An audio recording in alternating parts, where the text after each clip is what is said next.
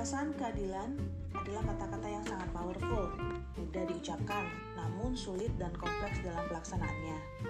Perempuan, termasuk perempuan miskin, penyandang kebutuhan khusus, teman-teman minoritas agama, anak-anak, dan kelompok rentan lainnya adalah kelompok-kelompok yang menghadapi berbagai hambatan dalam mencapai kesetaraan. So, podcast ini ingin mengulas berbagai tantangan yang dihadapi oleh kelompok rentan dan bagaimana solusinya. Tentunya dengan obrolan yang santai, supaya. Oke deh teman-teman, sampai jumpa dalam podcast-podcast Metamorfosis Menuju Inklusi bersama saya, Maudi Cynthia, dan banyak narasumber lainnya.